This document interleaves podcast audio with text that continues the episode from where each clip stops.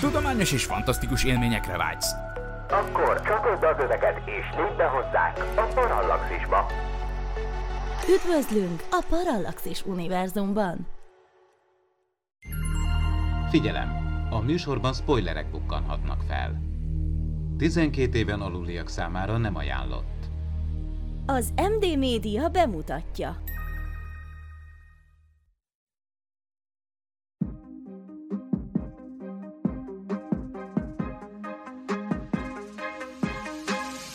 Tudományos és fantasztikus élmények Gézával, aki mérnök, Norbival, aki geográfus, és Miklóssal, aki fizikus.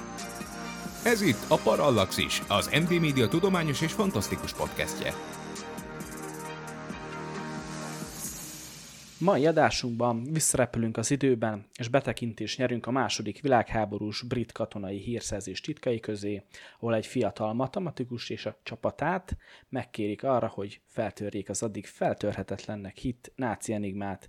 Főszereplőnk Ellen Turing, akiről ugye később a Turing teszt is a nevét kapta, később meghúzoltatásban lesz része a szexuális hovatartozása miatt.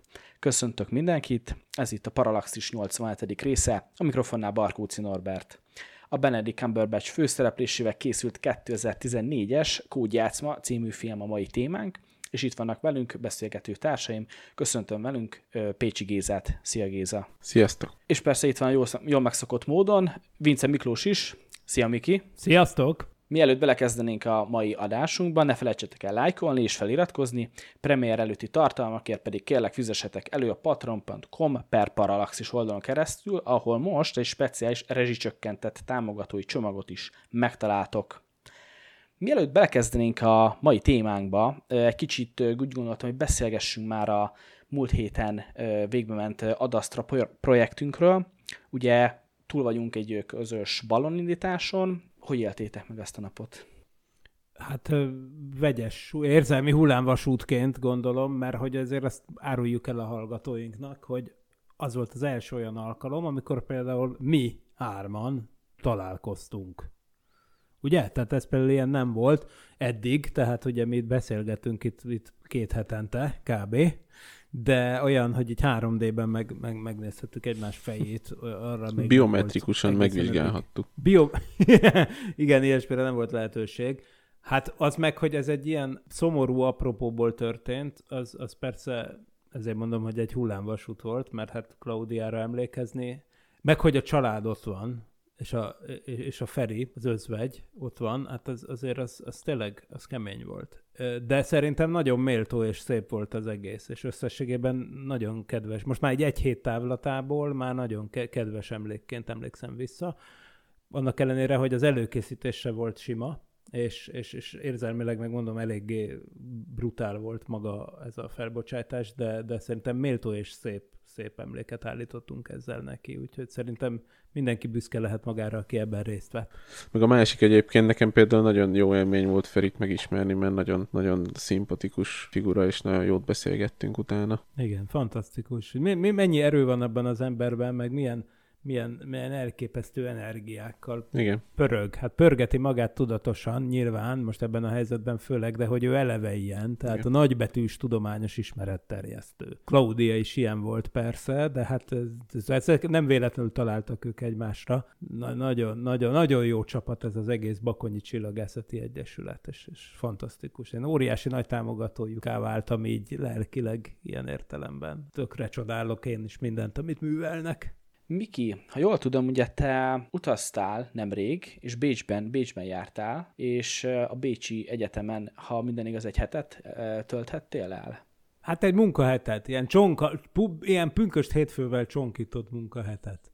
Tehát ez gyakorlatilag négy nap de az nagyon jó volt, meg intenzív munka szempontból. Ez valójában a Bécsi Egyetemhez tartozik, de valójában ez sokáig egy független, közvetlenül az osztrák kormány által, meg magánadományokból pénzelt intézmény volt, a Schrödinger intézet, ami egy olyan nem, nemzetközi hely, ahol mind kifejezetten ilyen vendégkutató alapon működik, tehát ennek nincsenek állandó kutatók, akik ott dolgoznak, hanem ott mindig az van, hogy ösztöndiakat adnak embereknek, akik oda járnak kutatni, és ott el vannak és adnak nekik ennivalót, innivalót, telerakják táblákkal az egészet. Meséltem nektek már, hogy még a WC-ben is van tábla, hogyha valakinek ott eszé, eszébe egy ötlet, hogy gyorsan föl tudja vakarni az egyenletet, szóval ez ilyen elméleti, fizikai és matematikai egyéb. Bocsánat, hogy közbeszakítalak, amúgy fizikusként van, neked volt már ilyen, hogy jött egy iklet és gyorsan... A WC-n? Nem a WC-n, csak hogy jött egy iklet és gyorsan föl kellett, tehát ilyen ellenállhatatlan vágyat érezti, hogy valahova fölírja egy egyenletet. Igen, persze, persze, mert én vizu- vizuális típus vagyok, tehát vannak azok a formák, akik ezeket meg tudják csinálni úgy, hogy bármit le kelljen írniuk bárhova, hogy mondjuk így. Tehát, én, tehát van egy olyan kollégám, akivel lehet, hogy be, beszédben lehet vele akna keresőzni, meg talán sakkozni is, azt nem tudom, de, de, de például, például ilyet tud a csávó, a Pál Andris barátom, aki szerintem egy zseni. Na most én nem tartozom ezek közé, tehát hogy, hogy nekem nagyon fontos, hogy én tényleg lássam, és akkor ha egy, ha, ha egy izé van ott egy papírszalvéta, vagy akármi, vagy a WC-ben a tábla, akkor ezt fel kell vakarni, igen. Szóval igen, igen, ez egy jó dolog, ezt érezték, de hát azért indokolatlan sok tábla van a Schrödinger intézetben, tehát például el, azt kell elképzelni, hogy van egy ilyen hosszú folyosó például, és ez végig, tehát végig tábla. Tehát ez táblákkal van. Kirakva egy nagy tábla fetisizmus van ott. Hát ha ez Magyarországon lenne, akkor azt mondanám, hogy, a, hogy a, az alapítónak az egyik sógora egy táblagyárat üzemeltetett. Valami ilyesmi. De, de nem. Nagyon jó, lehet, van punyadó, ott van újság, minden reggel ott kirakják a friss New York Times, meg mindent, tehát tényleg azt érzi az ember, hogy itt egy jó kis izé, nemzetközi pesgés.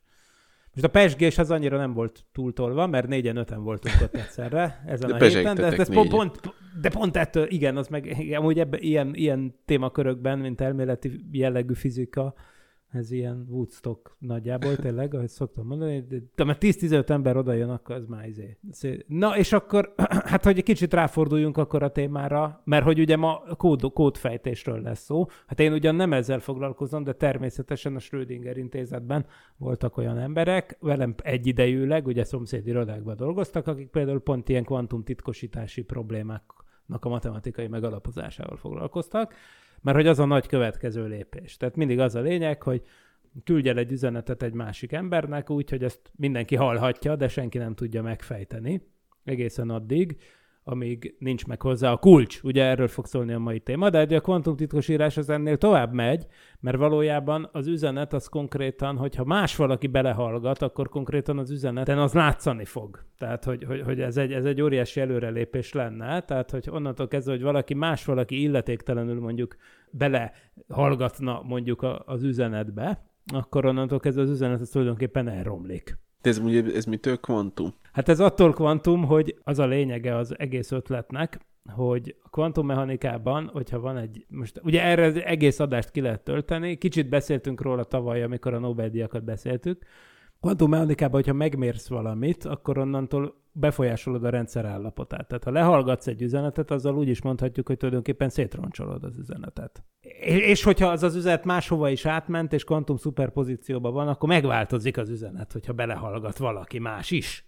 Jó, de, de, de amit, amit hall, az, az, már az is zavart lesz, és az is hablaty lesz, vagy meghallgatja, és utána fog, mert hogy annak úgy értelme nem lenne, hogy egyszer tudod megzavarni, de az elég is. Igen, igen, ez egy nagyon érdekes kérdés, és, és hát ilyen ért, itt azért még nem tartunk, hogy itt konkrétan egy hallgatható üzenetről van szó. Mondjuk a, körülbelül olyasmiről van szó, hogy, hogy, hogy, hogy kvantumbitek vannak, és mondjuk, hogyha én elküldök neked egy kvantumbitet, meg egy más valakinek is elküldök egy kvantumbitet, és ő meghallgatja, a, vagyis hogy kideríti, hogy az egy nulla vagy egy, akkor a másik helyen levő embernek, ugye az ilyen para, kvantummechanikai paradoxonok miatt, ilyen összefonódás miatt, ugye az a helyzet, hogyha az egyik meghallgatja, akkor a másik helyen levő lehallgatónak az állapotát meg fogja változtatni. Ez hasonló a kétrés kísérlethez, vagy... Hát annyiban mindenképpen, hogy a kétrés kísérletben is az történik, hogy amúgy nem tudod megjósolni. A kétrés kísérletben, így kedves gyerekek, ugye az, hogy,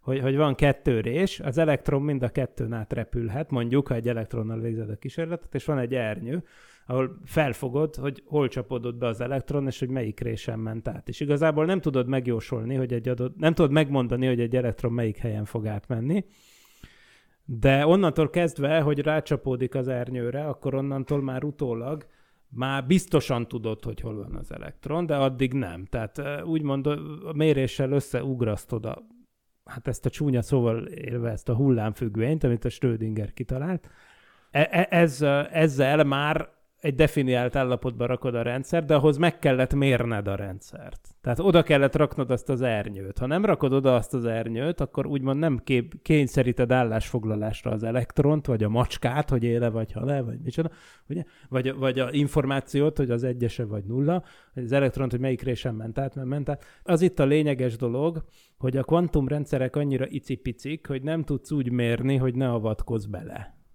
Tehát a hétköznapi életünkben azt mondjuk, hogy amikor megmérem a hőmérsékletemet a hőmérővel, akkor tényleg az én saját hőmérsékletemet mérem. Persze tudom, hogy igazából a hőmérő kicsit lehűti az én testemet is. Csak azt mondjuk, hogy az elhanyagolaton kicsivé tehető az a hatás, mert hogy én egy sokkal nagyobb hőtartály vagyok, mint az a hőmérő, és, és hát logikailag nincs egy határ.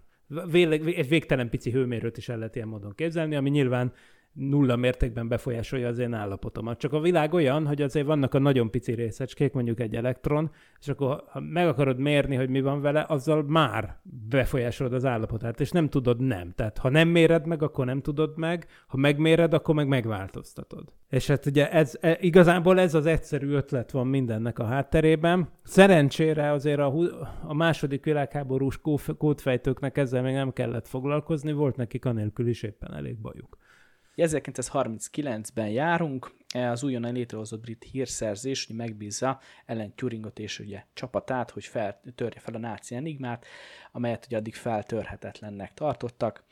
Ugye Turing és csapata végül sikerrel jár, hősökké is válnak, de a háború után pár évvel, amikor a hatóságok nyomására felfedik, hogy, hogy ugye meleg, homoszexuális, meghurcolják, hát ugye az ő történetét dolgozza fel, vagy mutatja be a film, Mm, azzon, azzal, arról beszélgethetünk majd, vagy vitázhatunk, hogy mennyire pontosan, mennyire történelem hű maga a film, de első körben inkább az első benyomásaitokra vagyok kíváncsi, hogy hogy tetszett maga a film a valós történelmi eseményekhez képest. Nekem, nekem nagyon-nagyon tetszett ez a film, tehát ez a kevés filmek egyike, ami szerintem, szerintem nagyon jó lett.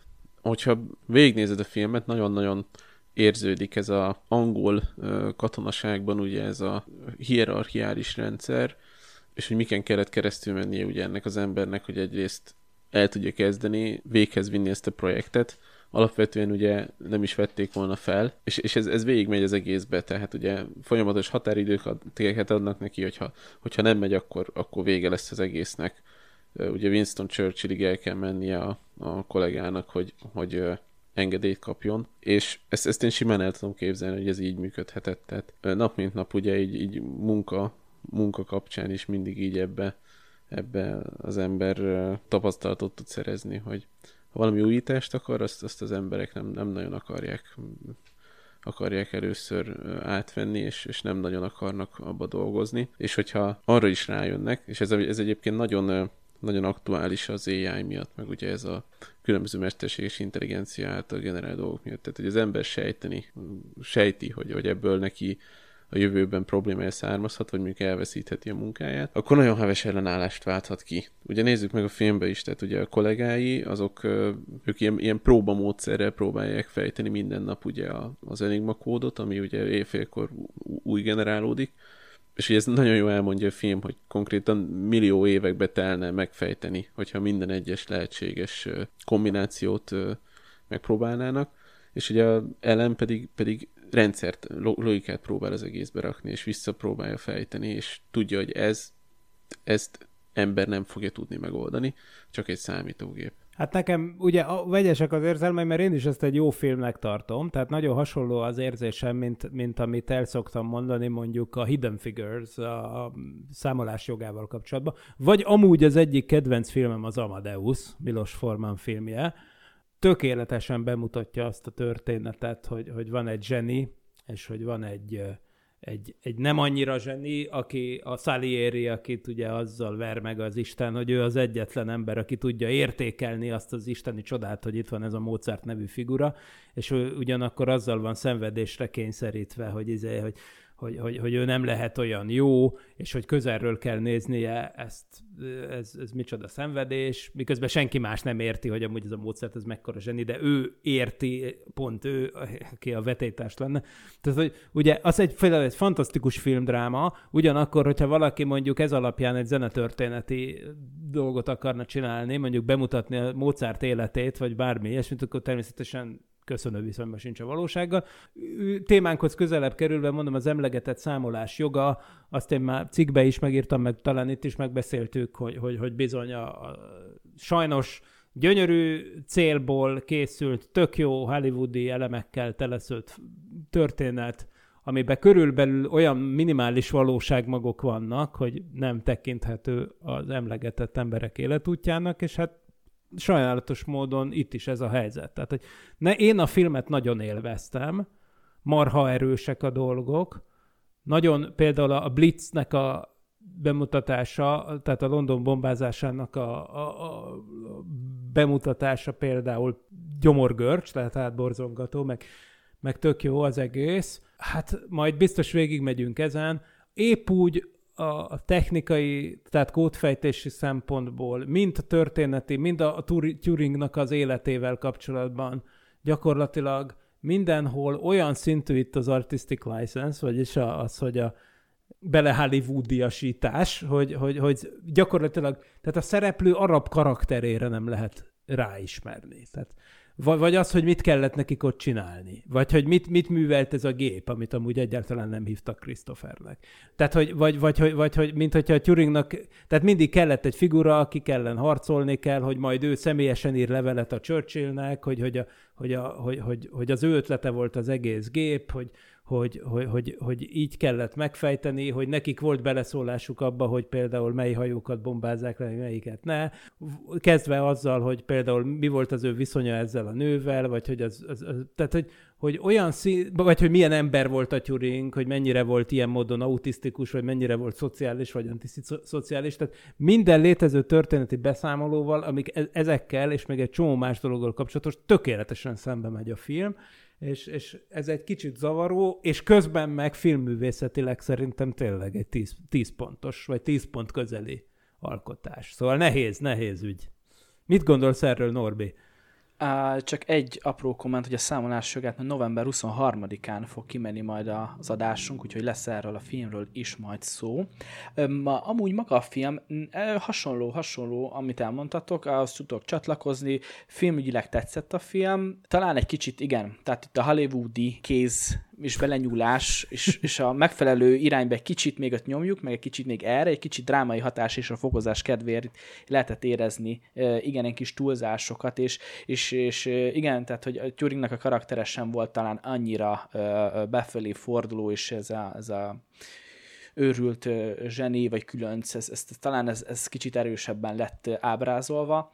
Van is amúgy egy, egy, egy honlap, ami kifejezetten azzal foglalkozik, hogy az ilyen történelmi témájú, valós történeteken történeteken nyugvó sztorikat kielemzi jelenetről jelenetre, és fel, oda van kommentelve, hogy ez valósághű, nagyjából így történt, vagy teljesen kitaláció, és akkor a végén összejön egy százalék, és hát a kódjátsz már egy 40 százalék közeli pontosság, tehát ugye a, a, a filmben látottaknak a 40 százalékára azt lehet mondani, hogy ez úgy volt. Hát ez egy nagyon optimistának tartom. És, tehát és ez, igen, ez, tehát abban benne van az is, hogy tehát nem feltétlenül, hogy most igaz hamis, hanem még enged egy kicsit, hogy á, nem így, meg nem akkor, de majdnem megtörtént. Így is lehetett volna. Így is lehetett volna, igen de hát érezzük, hogy még így is a nagyobb része az, az nem, vagy nem ilyen formában történt meg.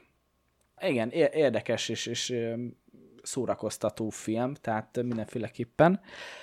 Ugye a probléma a németeknek ugye az Enigma volt az addig, vagy akkor feltörhetetlennek képzelt eszköz, mi is volt egészen pontosan ez az enigma, és miért volt ennyire fontos, miért volt ennyire kitüntetett szerepe a második világháború során? Egyszer az ecseri piacon majdnem vettem egy enigmát. Csak lekéstem egy héttel, igen. Oh. Képzeld el, hogy ott volt egy ember, aki árult mindenféle cuccot, második világháborús bizbaszokat, és egyébként én nem tartozom ezeknek a gyűjtője közé, tehát ilyen töltényhüvelyektől kezdve harckocsi löveg, mit tudom. Nem tudom, miért jártunk ott akkor, de hogy konkrétan kérdeztem, hogy, hogy hát van ez a német kódfejtő, ez az Enigma, természetesen rögtön tudta, hogy micsoda, és mondta, hogy volt neki egy, és néhány héttel korábban vitték el. Tehát én nem láttam, de hogy képzeljétek el, hogy ezt egyébként múzeumok ugye nem, egy különösen egy jó állapotban levő enigmát, ezt kincsként őriznek, és, és hát Budapesten még ezt is lehetett kapni. Na, szóval, hogy miért volt ez fontos? Hát ugye, hát hol, hol is kezdjem? Hát valamennyit már beszéltünk itt a kódolásokról. Ugye az ókor óta vannak ilyen törekvések, hogy kódolt üzeneteket vigyünk át. Most amit mi is csináltunk nyilván gyerekkorunkban, az ugye a nagyon egyszerű behelyettesítéses kódolás, ez azt jelenti, hogy egy jelet egy másik jel kódol. És, és egy, egyértelműen, tehát mondjuk egy E betűt mindig az S betű, a P betűt mindig a K, stb. stb. Ennek az egyik történelmileg is legismertebb verziója a Cézár kódolás, értelemszerűen egy ókori Rómába visszavezethető kódolási mód, ami egyszerűen abból ered, hogy egy fix számmal odébb tolod az ABC-ben, tehát, hogy mondjuk A helyett mindig C-t és akkor mindig kett, kettővel odébb tolod, vagy tudom én, és akkor megállapodnak az emberek ebben. Most ez természetesen ugye nagyon könnyű feltörni, főleg, hogyha tudja az ember, hogy milyen nyelven van. Mert hogy a, a nyelvekre jellemzőek azok a statisztikák, amik a betű gyakoriságok, az írásukban a betű gyakoriságok, hogy például lehet tudni, hogy egy, majdnem az összes európai nyelvben egyébként az E betűt írják le legtöbbször, Mondjuk, ha tudod, hogy egy francia nyelvű szövegről van szó, akkor pontosan tudhatod, hogy és ha elég hosszú az a szöveg, mert nyilván egy rövid szövegnél ez nehéz, ha csak annyi van odaérő, hogy hello, de hogyha mondjuk valaki egy több oldalnyi dumát átküld, akkor azért már meglepően jól működnek ezek a nyelvre, illetve a nyelv írására jellemző statisztikák, hogy mondjuk franciában az E betű a leggyakoribb, a második az S, a harmadik az A, tehát stb. stb. De ilyen értelemben nincs más dolgod, úgymond, mint hogy megszámolod, hogy hogy melyik a leggyakoribb, második leggyakoribb, harmadik leggyakoribb, negyedik leggyakoribb karakterek, és akkor azt az adott nyelvre jellemző értékel összepárosítod, és ilyen módon ez könnyű feltörni.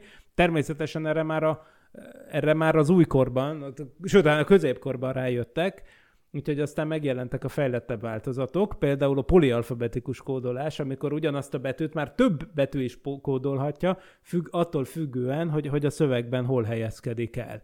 Ugye itt van például, ennek a legismertebb példája talán a Visionaire kódolás, a, a, egy francia, franciáról van elnevezve, uh, ahhoz ugye, és ezt is, erre is látunk példát a filmben amúgy, amikor a csávók, aki lebukik, mint szovjet kém, ugye megint csak egy kitalált szál a történetben. Egyébként, de hát van, egy, van egy ember, akiről kiderül, hogy szovjet kém, és ő ezzel a behelyettesítéses kódolással kódolta le az üzenetet. Itt konkrét, ez annyiból fejlettebb, mint az előző verzió, hogy nem az van, hogy egy A betűt mindig egy C betű kódol például, vagy így, hanem hogy például az is van, hogy attól függően, hogy hanyadik betű mondjuk az adott sorban, attól függően különböző mértékben kell el, el, eltolni.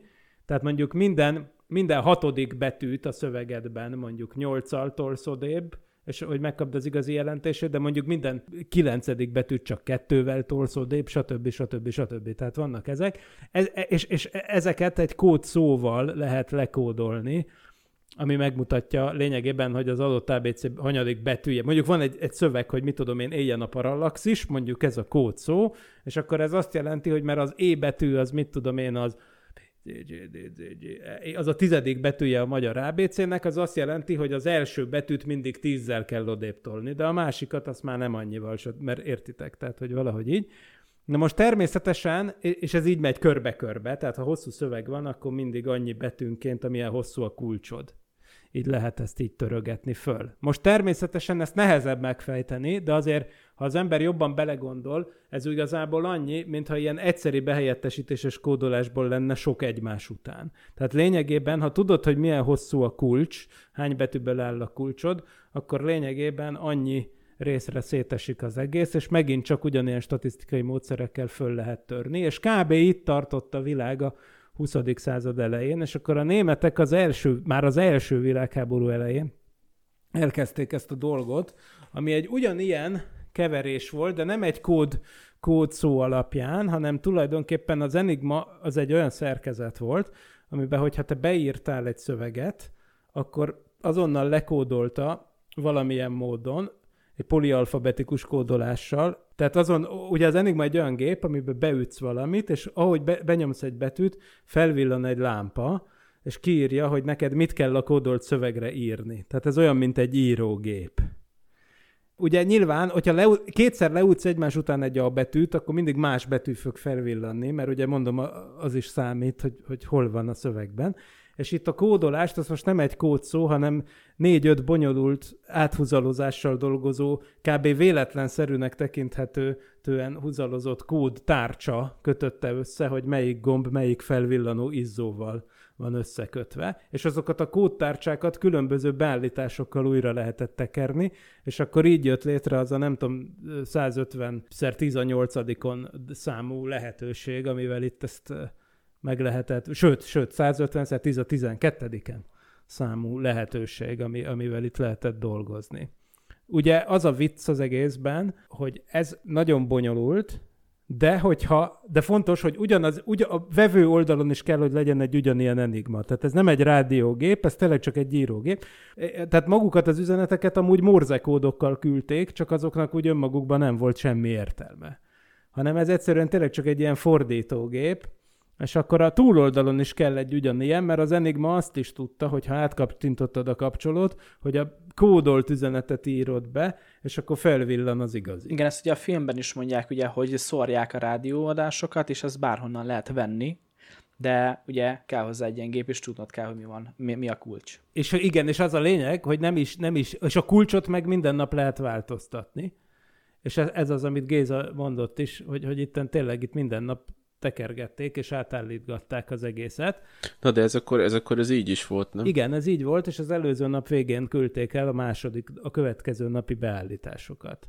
De és akkor ezért volt az, hogy aki éjfélig nem tudta feltörni az a, a kódot, akkor valójában amúgy még volt nekik néhány órányi idejük, hogy fel tudják törni másnap reggel hatig, amíg elkezdődik a, a forgalmazás ugye érezzük, hogy ezt azért elég nehéz végig próbálgatással feltörni, és természetesen ezt az angolok is tudták, tehát nem igaz, hogy ők rögtön az elején elkezdtek volna behelyettesítős kódolásokkal majomkodni, tehát hogy Sőt, olyannyira tudták, hogy már 30-as években a lengyelek már fel tudták törni az Enigmának korábbi verzióját. Amikor még a Hitler hatalmon se volt, de mondom, az Enigmát már az első világháború végén elkezdték használni, és a 20-as években fejlesztették. 1932-ben ugye a, a németekkel szomszédos lengyeleknek az egyik matematikusa, illetve volt nekik egy kódfejtő csoportjuk, akik a Poznanyi Egyetemről voltak, ami korábban Pózen néven az első világháború végéig, ugye a Versailles békéig, a Pózen, az, az Németországhoz tartozott, tehát ők nagyon tudták a német nyelvet, meg a német kultúrát, ezek a lengyelek, akik a frissen 1920 után Lengyelországhoz került Poznányban, Poznányi Egyetemen dolgoztak, ott volt egy ilyen jó kódfejtő csoport, tök jó matematikusok, és ott ez a Marian Rejevski nevű fickó már 1932-ben épített egy gépet, amit ő bombának nevezett, amivel végig lehet, ami lényegében egy olyan gép, mint amit a Turingék csináltak. Tehát a Turingék tulajdonképpen ezt fejlesztették tovább, tehát még egyszer, nem csak, hogy az első, második világháború, hanem még Hitler sem volt hatalmon, amikor a lengyelek már lényegében fel tudták törni az enigmát, csak persze az, aztán a németek is fejlesztettek a dolgon, mert több tárcsát igen, igen, igen, mindig bele. újabb verzió és kijött, a, kijött az eszköznek. Említettük már ezt is, de akkor úgymond bedobnám kérdésként is, hogy mennyire tekinthetjük Turingot a modern számítás technika megteremtőjének. Ilyen szempontból ugye, hogy ő már alapból egy, egy gépben gondolkozott, hogy egy gépet egy csak egy másik gép tud úgymond legyőzni, feltörni. A, mennyire, vagy mekkora ő, neki a jelentősége, hogyha, hogyha a mai modern világunkra gondolunk a, az informatikához való hozzájárulása szempontjából, Géza? Hát legjobb embert kérdezett, szerintem Miklós, Miklós jobban tudna erre válaszolni. A Turing gép, mint olyan, azt, azt ugye hallottam, tehát valamilyen szinten biztos hozzájárult de szerintem ő, a, ő, ő inkább, a, inkább e, e, ehhez, a, ehhez a számítógéphez, tehát nem a, nem a, a személyi számítógép fejlődéséhez került általa hozzá közelebb az emberiség, hanem inkább ez a számítási módszerekhez.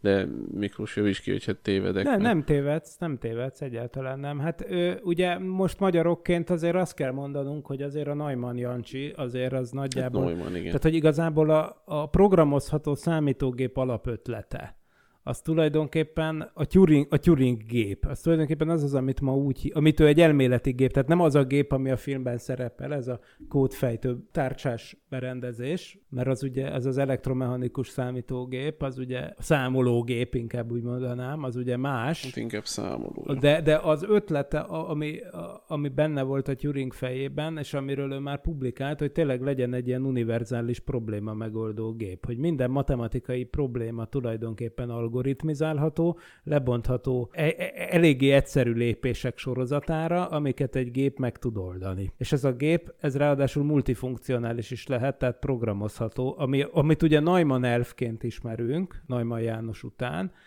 azt kell, hogy mondjam, hogy, hogy itt a Turing és a Neumann szerintem kb. mind a ketten egyformán felelőssé tehetők a, a, modern számítástechnika ilyen elméleti jellegű megalapozásáért, de hozzátéve azt, hogy a Turing előbb írt a Turing gépről tudtommal, mint a Neumann a programoz, a Neumann elvekről.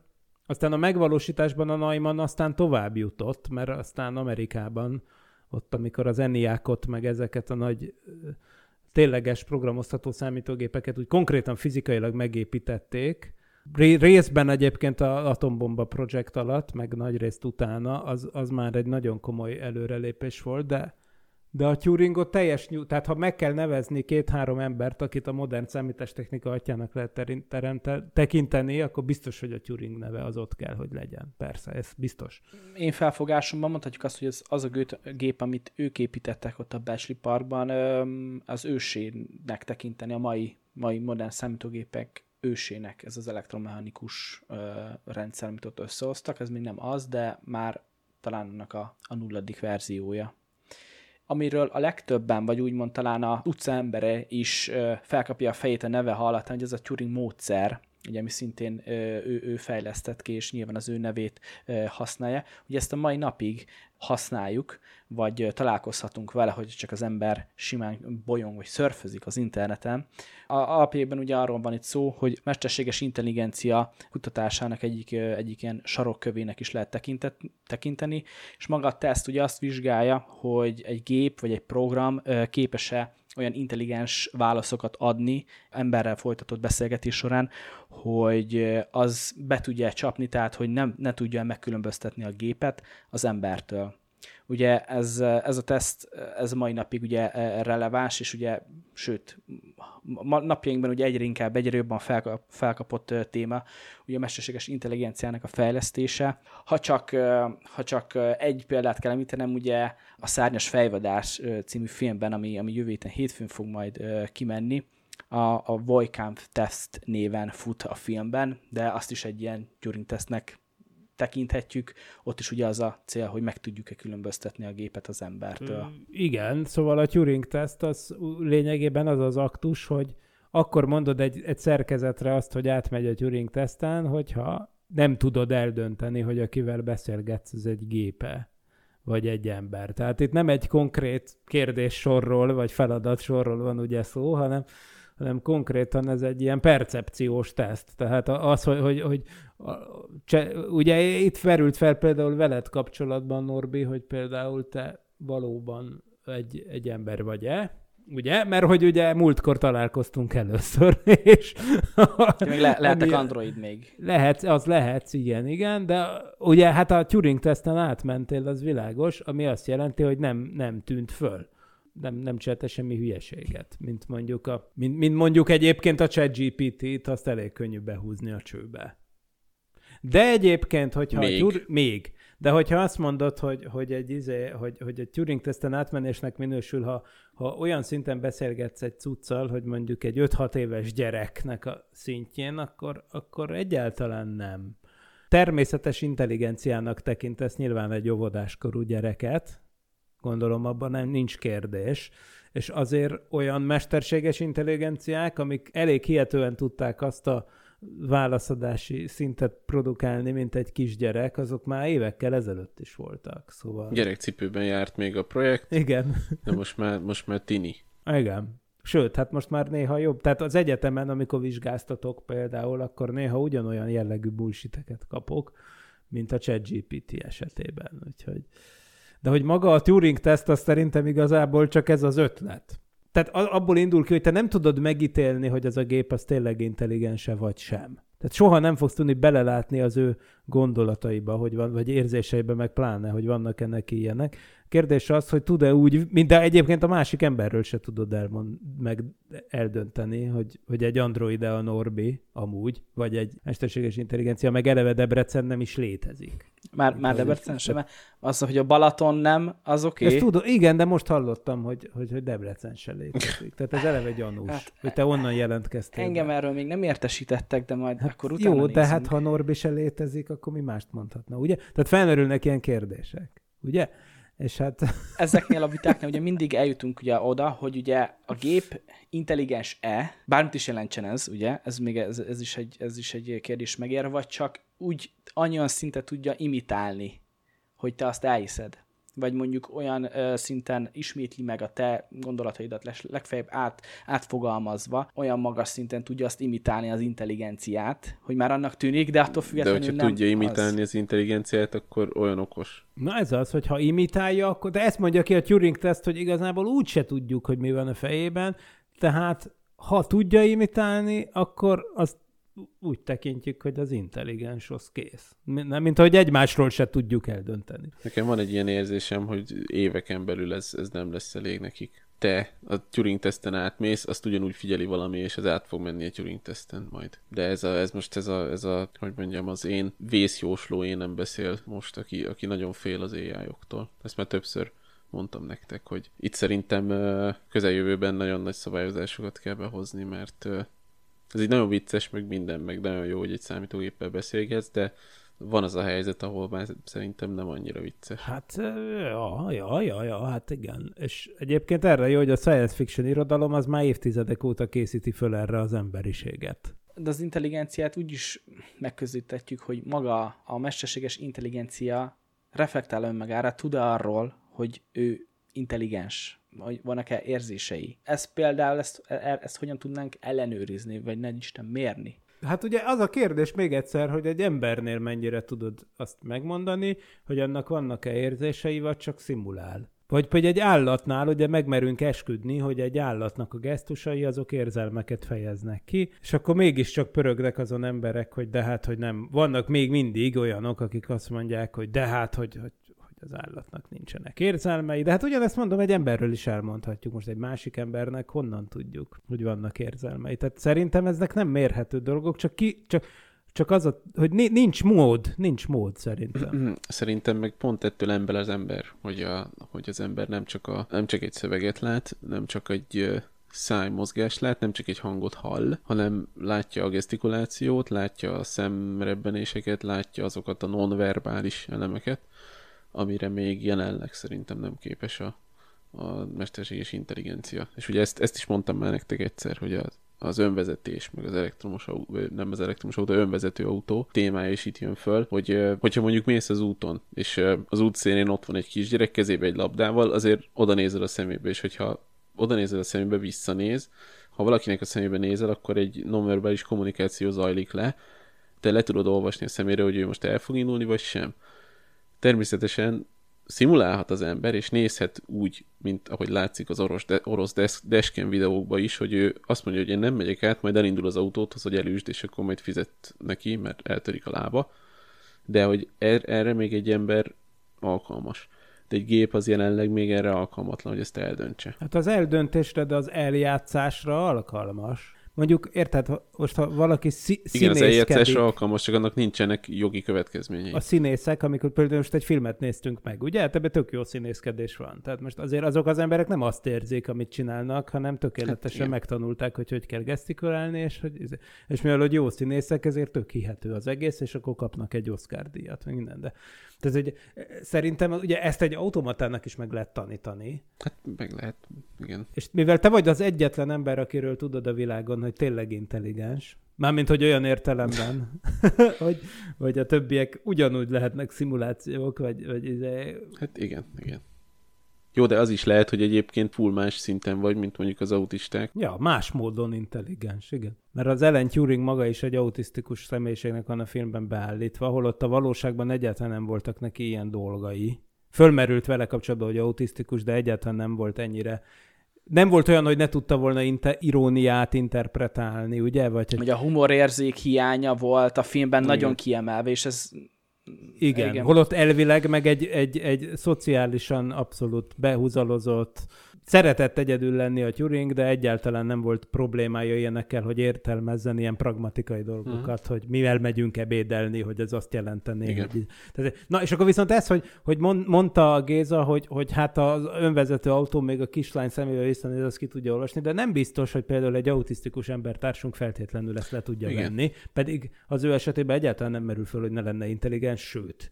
Szóval, hogy, hogy igen, tehát itt valószínűleg különböző jellegű modulokról beszélgetünk, van, van hát talán ennek összefüggése van az úgynevezett érzelmi intelligenciával is, ami egy másik dolog talán, de nem, nem biztos. Igen, de ugye ezért is mondják, hogy az ilyen iszonyatosan ö, sikeres emberek és ilyen multimilliárdosok és, és nagyon nagy cégeknek az irányítói nagyrészt autizmus spektrumban vannak, mert csak azok az emberek képesek arra, hogy ilyen érzelem nélkül simán kirúgnak bárkit, meg simán hoznak olyan döntést, hogy nem foglalkoznak azzal, hogy mondjuk adott embernek mi fog történni ettől a döntésétől. A sikernek, úgymond az iszonyatosan nagy sikernek a kulcsa az az, hogy ne úgy gondolkozz, mint az átlag, mert akkor te sajnálni fogsz mást, és nem szabad sajnálni senkit, és csak a saját célodat kell nézni, és mindent meg kell tenni annak érdekében. És hogy ez a film tulajdonképpen ezt is hozza, hogy ő mindent feltett arra, hogy ezt megcsinálja, és így érződik folyamatosan benne, hogy ő így, ő így kekeckedik mindenkivel, és őt, őt nem érdekel, ő akkor is eléri ezt az egészet. Amúgy, amúgy ez is egy érdekes dolog, hogy, hogy a filmben, ahogy mondtad is, hogy ő az, aki meg ki tud rugni embert. Most, hogy a Turing is ilyen karakternek van beállítva a filmbe, azt mondja, amikor az van, hogy feltörik a kódot, és figyelmeztethetnének egy polgári hajót, vagy oda küldhetnék a, a, lizét, a légierőt, mert hogy rájönnek, hogy a nácik körbevesznek egy, egy, egy polgári hajót, és hát gyakorlatilag az a feladat, hogy, hogy tehát a náciknak nyilván az a, a céljuk, hogy azt elsüllyeszék. És ők meg ezt időben kiolvassák a kódokból. És mondja a Turing, hogy ő az az egyetlen ember, aki, a filmbeli Turing, hogy ő, ő az egyetlen ember, aki meg tudja hozni azt a döntést, ilyen kemény logikai alapokon, hogy most ezt hagyni kell veszni ezt a hajót, mert különben az németek azonnal rájönnek, hogy fel tudják törni az enigmát, és akkor kihagyják az üzenetből, hogy Heil Hitler, és akkor onnantól bukta az egész. Mert kb. ugye az Igen. volt a kulcs. Igen. Na, és akkor ez is egy ilyen dolog, hogy tényleg igazad van, hogy egy ilyen karaktert kíván, mondjuk az, hogy a CEO-ja legyél egy valami nagy vállalatnak, egy másfelől, ez is egy film, jó, hogy ez előjön, mert ezeket a kérdéseket amúgy szintén nem a kódfejtő csapat döntötte el. Tehát ez, ez brutálisan az őszintjük fölött dölt el. Tehát nekik tényleg az volt a, a dolguk, hogy megfejtsék az üzeneteket. Most az, hogy ezzel mit kezd az admiralitás, vagy hogy ezzel mire, hogy használják fel az adatokat, amiben tényleg rengeteg ilyen döntést kellett behozni, de azt rohadtul nem a Turingék hozták meg. És az sem igaz egyébként, hogy az egyik kódfejtőnek a tesója azon a hajón teljesített szolgálatot. A... Hát jó, hát ez, ez, már, ez már Hollywood, de, de ettől meg szerintem ilyen jó a film. Nagyon tehát... jó, mert előjönnek ezek a tényleg létező kérdések. Tehát azért mondom, hogy az Amadeus sem attól egy jó film, hogy a Mozart életéről egy, egy jó dokumentarista bemutatást ad, hanem te tényleg ezekkel a kérdésekkel tényleg meg kellett küzdeni, és akkor csak le, nem nekik. Tehát most hát... ugyanez ugye, igen. van ez a Csernobyl sorozat is, és ugye ott van az a Csajci, aki egyébként egy tudós csoportot egy személyként ö, képvisel benne. És ez is ugyanolyan, hogy most, hogyha kitért volna minden egyes tudósnak ja. véleményére, akkor egy fullunalmas valami. Tehát, hogyha arról szólt volna ez a film, hogy jó, akkor odatta a kódot, akkor ez fölment a mit admirálishoz, akkor annak a főnök az éppen teázni volt valahol, az nem ért rá, egy napot várni kellett, akkor már új kód kellett, érted? Tehát, hogy ez így volt, csak hogy ez nem izgalmas. Persze. Annyira. Igen, igen. igen. Egy aspektusát még be akartam hozni, mindenféleképpen akartam róla beszélni, ugye a homoszexualitása, ugye Turingnak és ugyanak az üldöztetése az akkori, az akkori Angliában, ugye sajnos módon ugye ennek ugye ki volt téve még a háború, a háború után is, és ez nyilván jelentősen befolyásolta az életét. Ugye a film erről konkrétan ki is tér, hogy a börtönbüntetés helyett ugye hát a kémiai kasztrálást választja, és ugye hormonkezelés alá ö, kötelezik őt. Nyilván azóta ugye rehabilitálták ugye őt, 2013-ban a királynő hivatalos bocsánatot is kért ö, tőle, és, és a filmben szerintem amúgy egészen, egészen jó módon ábrázolják ezt a részét is, és, és kifejezetten tetszett, hogy e, ezt is, erre is kitértek. A, ezt inkább a filmnek a vége, vége felé. Hát vagyis hát ezzel a Christopher nevű iskolatársával a kapcsolata, I- ami igen. egy valós dologon alapul egyébként, az, az, az végig vonul. Talán egy kicsit a film, azért ebbe jobban belemehettek volna, de mindegy, hát most ez van. Azért ez is valami. Én azt olvastam, tehát például ugye a filmben kézremegés és ilyen mellékhatásai voltak, hogy állítólag ilyennek nem voltak neki. Igen, meg az, hogy, meg el, hogy nem, nem, nem elbutult tőle, hogy nem tudott volna keresztrejtvényeket megfejteni, meg ilyenek a kasztrálás után. Ilyen mellékhatások nem voltak, ezt egy az egybe átvették a csodálatos elméből, ahol ugye az van, hogy a matematikus begyógyszerezik a skizofréniája miatt, és akkor amiatt viszont nem tudja használni az agyát, és hogy persze ez, ez egyszer jól működött, és akkor gondolta a Weinstein, hogy akkor ezt ide is be kell rakni, de igazából ott nem menjünk el azért amellett, hogy ez volt nem a náci Németországban, hanem a szövetségesek oldalán harcoló fejlett államban. Ez volt a hivatalos procedúra, bőven a háború után még és ugye nem is akárkiről beszélünk, tehát hogy jött egy, egy, egy hősként. Hát ez egy jó kérdés, mert ugye... És ettől függetlenül ugye erre kötelezték. Igen, de ugye a filmben az, az, az érdekes, és nem tudom ebben, hogy hol van az igazság. Ugye az, az biztos, hogy az 50-es években az ő kódfejtői munkája még nem volt nyilvános, tehát hogy az, hogy ő, ő így gyakorlatilag megnyerte itt a félvilágnak a második világháborút, arról nagyon kevés ember tudott 1950-es években.